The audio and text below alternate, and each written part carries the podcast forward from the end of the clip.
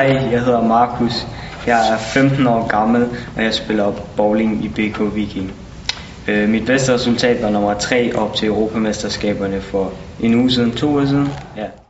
Jeg at mad med andre sportsfolk.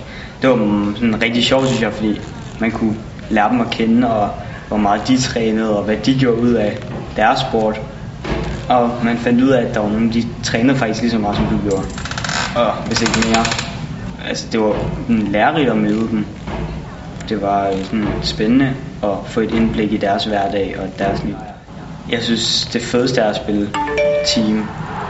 Så det kan faktisk ikke blive meget bedre. Da vi vandt nummer to op i team, det synes jeg, det var større faktisk at vinde end nummer tre alene. Så jeg, jeg synes, team det var noget af det største, man kan vinde.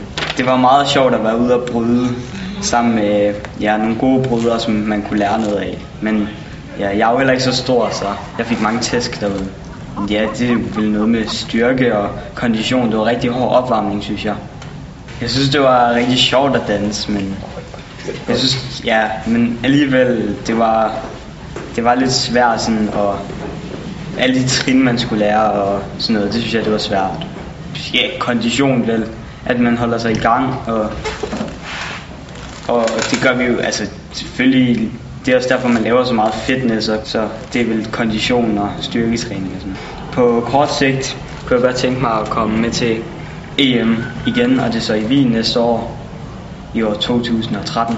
På lang sigt kunne jeg godt tænke mig at komme med til øh, EM i år 2015 og i Aalborg for herre, for voksne. Og det er der, hvor jeg lige har været op og spille EM for ungdom nu, hvor jeg vandt bronze i individuelt og sølv i team. Fine.